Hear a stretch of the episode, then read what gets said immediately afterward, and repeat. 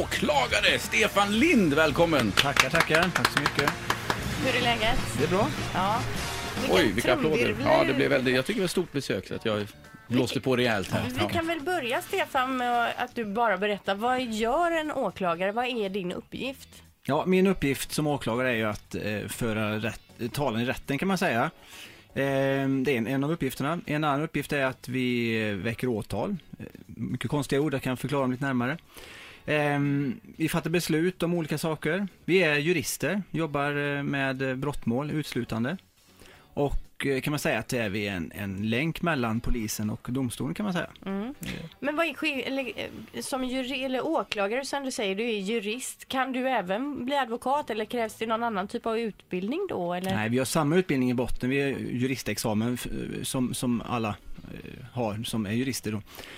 Ehm, och sen så väljer man ju sin bana. Inriktning. Jag, nej, jag kan ju bli advokat naturligtvis, eh, men det kräver att jag gör deras tester och eh, så. Men varför valde du åklagare? För mig var det ett ganska självklart val. Jag gillar att eh, jobba Sätta med... dit folk. Ja. en av anledningarna kanske. Nej, nej, men det handlar mycket om, om eh, en, en, en sak som jag tycker är mest attraktiv just med åklagaryrket är att man måste vara objektiv. Eh, man måste hela tiden tänka på att det jag säger är, sant, eller det jag i alla fall tror att det är sant. Mm. Ehm, och att det finns en, en, liksom en grund för det jag säger.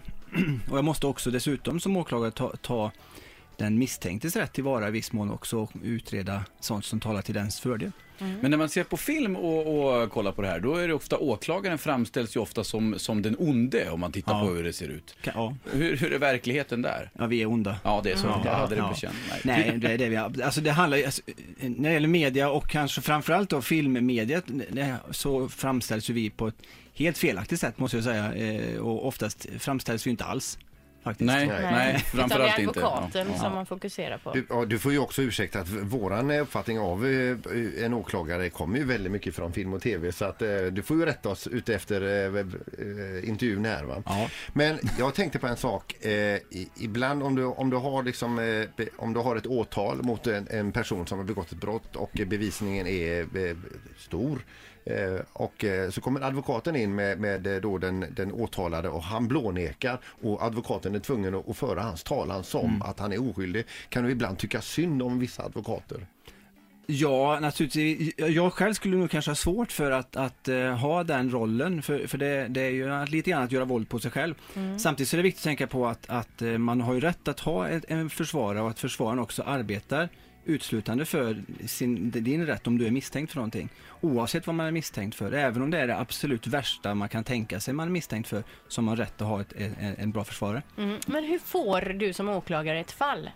Ehm, vi har ju, alltså det är ganska tråkigt sätt, men vi har ett lottningssystem där, där jag får eh, ärenden och, som vi kallar det för, eller mål då utifrån, eh, ja, vad vi kan och vad vi inte kan. Men kan man tacka nej till ett fall?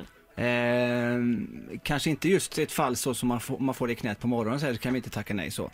Eh, det kan väl kanske om det är något väldigt speciellt. Vi har ju också jävsregler man får tänka på om det är någon man känner eller så naturligtvis, så, så må- måste vi tacka nej.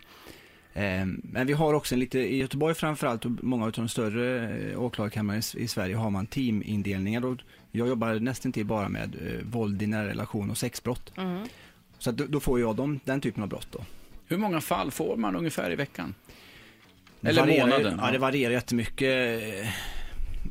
Så för, för min egen del så, så har jag ungefär mellan 40 och 50 pågående förundersökningar eh, per, ja hela tiden i princip. Oj, Så att det är ganska mycket. ja det är väldigt mycket. Hur vanligt är det att man som åklagare hotas?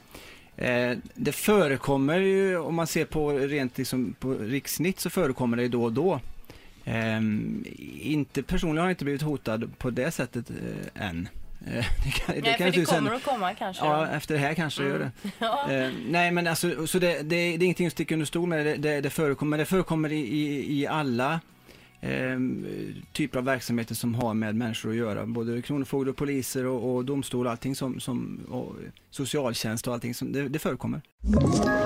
Ett poddtips från Podplay. I fallen jag aldrig glömmer djupdyker Hasse Aro i arbetet bakom några av Sveriges mest uppseendeväckande brottsutredningar.